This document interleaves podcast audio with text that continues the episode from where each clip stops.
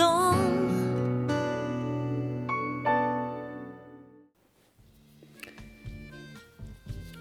W dzisiejszym szkicu chcielibyśmy syntetycznie odtworzyć relacje koleżeńskie Jana Bosko. Zasadniczo źródłem informacji są wspomnienia oratorium napisane w 1874 roku. One wiele mówią o kolegach szkolnych, o spędzonym z nimi czasie, o wspólnych zainteresowaniach, i generalnie o życiu duchowym.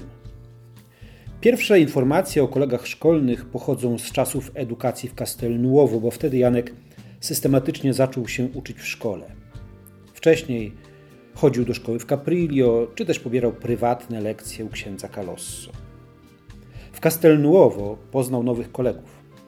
Dołączyli oni do dużej grupy chłopców z Morialdo, z którymi Janek był bardzo mocno związany. To przecież z nimi do tej pory spędzał tak wiele czasu na zabawach, dziecięcych polowaniach, ale także przekazywaniu im tej wiedzy, którą sam zdobywał z czytanych książek. W ten sposób zyskał sobie wielu zwolenników. Chociaż Castelnuovo leżało zaledwie 5 kilometrów od Becchi, to było już innym światem. Zamieszkanie na stacji wniosło kolejną nowość w życie czternastolatka. Wiejski chłopiec zamieszkał w miasteczku, które proponowało więcej atrakcji, ale i kusiło nie zawsze pożytecznymi propozycjami. Janek na nowy etap życia otrzymał cenne wskazanie od swojej matki Małgorzaty. Miał wybierać właściwe towarzystwo, to znaczy takie, które nie sprowadzi go na złe drogi. Od samego początku obserwował kolegów, a jak pisze, miał dar wnikania w charaktery. Chłopcy ze szkoły byli inni od tych, z którymi spotykał się na łąkach w okolicach Bekki. Na pewno szczególnym wyzwaniem było dla niego spotkanie się z tymi, którzy chcieli go wciągnąć w młodzieńcze formy hazardu. Któryś z kolegów nakłaniał go nawet do kradzieży, aby w ten sposób zdobył pieniądze na granie. Janek pamiętał jednak o radzie matki i zdecydowanie odrzucał propozycje kolegów próbujących namówić go do złych czynów. O kolegach z następnej szkoły, z Kieri, tak Jan Bosko napisał we wspomnieniach. Podzieliłem ich na trzy kategorie: dobrych, obojętnych i złych. Tych ostatnich zdecydowanie i zawsze należało unikać natychmiast po ich poznaniu. Z obojętnymi rozmawiałem uprzejmie i kiedy była potrzeba. Z dobrymi zawierałem przyjaźń, jeśli okazało się, że naprawdę takimi byli. Ponieważ byłem obcy w mieście, postanowiłem nie spoufalać się z nikim. Mimo to musiałem zmagać się z takimi, których dobrze nie znałem. Jedni chcieli mnie zabrać do teatrzyku, inni na partyjkę gry, kolejni, aby popływać. Ktoś jeszcze na kradzież owoców w ogrodach czy na polach. Pierwszych kolegów Jana Bosko z imienia i nazwiska poznajemy z tego właśnie czasu. Byli nimi Wilhelm Garigliano, Paweł Braje, Alojzy Komollo oraz Jakub Lewi. Trzech pierwszych Janek poznał w szkole. Czwartego, żydowskiego chłopca wymienionego we wspomnieniach pod imieniem Jonasz, spotykał regularnie u księgarza, u którego zaopatrywał się w książki. Poznajmy zatem trochę bardziej tych czterech przyjaciół Janka. Pamiętajmy jednocześnie, że kiedy zaczynał on szkołę w Kieri jesienią 1831 roku, miał już 16 lat. Kończył ją w wieku lat 20. Jego koledzy byli od niego sporo młodsi, przynajmniej ci ze szkoły. Najmłodszym był Paweł Braje. Był młodszy od Janka aż o 5 lat. Znali się niedługo, ponieważ Paweł zmarł w wieku zaledwie 12 lat. Rok starszy od Pawła, ale 4 lata młodszy od Janka był Wilhelm Garigliano. Nie dziwią nas zatem słowa Jana Bosko o tym, że górował wzrostem nad kolegami z klasy. Wiemy przecież, że ksiądz Bosko nie był wysokiego wzrostu. Miał jedynie 163 cm. Nieco później, bo w 1834 roku do szkoły przybył dwa lata młodszy od Janka Alojzy Komollo. Uczęszczał do klasy niższej niż Janek, a przybył do Kieri z zamiarem wstąpienia do seminarium duchownego.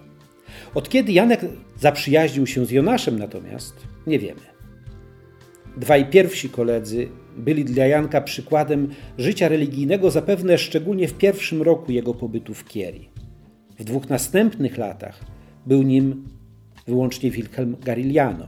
W czwartym roku mieszkania w Kieri znalazł się pod wyraźnym wpływem Alojzego Comollo, to znaczy stylu prowadzenia przez niego życia duchowego oraz rad, których Alojzy udzielał.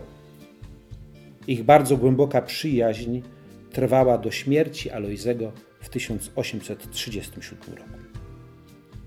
Istotnym elementem szkolnych przyjaźni Jana Bosko była jakość życia moralnego i religijnego oraz zaangażowanie w wypełnianie codziennych obowiązków. Chłopcy bardzo się wspierali. Wspólnie wyznaczali sobie cele rozwoju duchowego i życia modlitewnego, które przekraczały podstawowe wymagania. Byli bardzo zainteresowani pogłębianiem wiedzy religijnej oraz życia duchowego. Przykładali się również do zadań szkolnych. Ksiądz Bosko napisał co prawda, że mógł się uczyć więcej, ale dodał natychmiast, że jego pamięć gwarantowała mu dobre wyniki w nauce. Dodajmy także, że Janek w tym czasie pochłaniał książki, a także udzielał korepetycji mniej zdolnym kolegom. Chłopcy w roku 1833 założyli Towarzystwo Radości, które wyznaczało bardzo ambitne cele moralne i naukowe. Zaznaczmy, że to była ich inicjatywa. Świadczy ona o niezwykłej kreatywności i pomysłowości uczniów oraz o pragnieniu ciągłego podnoszenia poprzeczki. Możemy więc śmiało powiedzieć, że byli idealistami świadomie dążącymi do świętości. Fundamentem takiej postawy była wiara w Boga. Widzimy to szczególnie w relacji Janka do Alojzego Komollo, a także do Jonasza. Ta pierwsza polegała na głębokim wzajemnym zaufaniu i szczerości. Potrafili rozmawiać o swoich problemach, trudnościach, zwracać sobie nawzajem uwagę, a więc także nawzajem siebie upominać. Byli dla siebie niejako kierownikami duchowymi, obserwującymi się nawzajem, służącymi sobie pomocą, ale i potrafiącymi przyjąć słowo, czasami trudne, o niewłaściwym zachowaniu. Przyjaźń między Jonaszem i Jankiem była szczególnie interesująca. Jeden był przecież zaangażowanym katolikiem, drugi Żydem. Jonasz pewnego dnia przyszedł do Janka z ciężkim sercem. Chodziło prawdopodobnie o jakieś nieporozumienie z kolegami. Źle się z tym czuł, dlatego szukał wsparcia i rady. Janek w sposób taktowny i delikatny powiedział, że gdyby Jonasz był chrześcijaninem, to poradziłby mu spowiedź. Zapewne sam w ten sposób postępował, kiedy znajdował się w sytuacjach podobnych do tej, w jakiej znalazł się przyjaciel. Jak zareagował Jonasz? Zapytał, co ma zrobić, żeby zostać chrześcijaninem. Janek początkowo wziął na siebie przygotowanie przyjaciela do chrztu. Uczył go modlitw, wyjaśniał katechizm, potem dopiero przekazał pewnemu uczonemu księdzu, aby ten doprowadził sprawę do końca. Po kilku burzliwych miesiącach Jonasz rzeczywiście przyjął chrzest wbrew swojej matce i gminie żydowskiej, a wówczas wspólnota żydowska w Kieri była jedną z prężniejszych w całym Piemoncie. Uroczystość odbyła się 10 sierpnia 1834 roku, zatem rok po bierzmowaniu Janka. Szkolne przyjaźnie Jana Bosko przypominają, że rówieśnicy mogą być dla siebie nawzajem przykładem wiary, dobrej postawy, zaangażowania się w zdobywanie wiedzy. Trzeba tylko trochę odwagi i postawy pełnej taktu i delikatności w mówieniu o chrześcijańskim życiu oraz doświadczeniu wiary i Boga. Janek radę, której udzielił Jonaszowi, sformułował następująco: Gdybyś, drogi Jonaszu, był chrześcijaninem, natychmiast zaprowadziłbym cię do spowiedzi, ale w Twoim przypadku to niemożliwe. W ten sposób po przyjacielsku i życzliwie podał rękę Jonaszowi, który znalazł się w niewygodnej sytuacji i potrzebował pomocy. Postawa Janka była przeciwieństwem inwazyjnego i natrętnego mędrkowania. I przede wszystkim pozostawiła żydowskiemu chłopcu pełną wolność.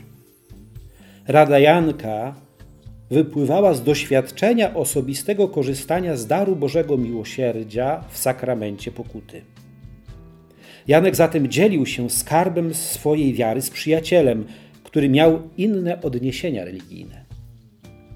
Zaproponował mu drogę wymagającą ogromnej odwagi.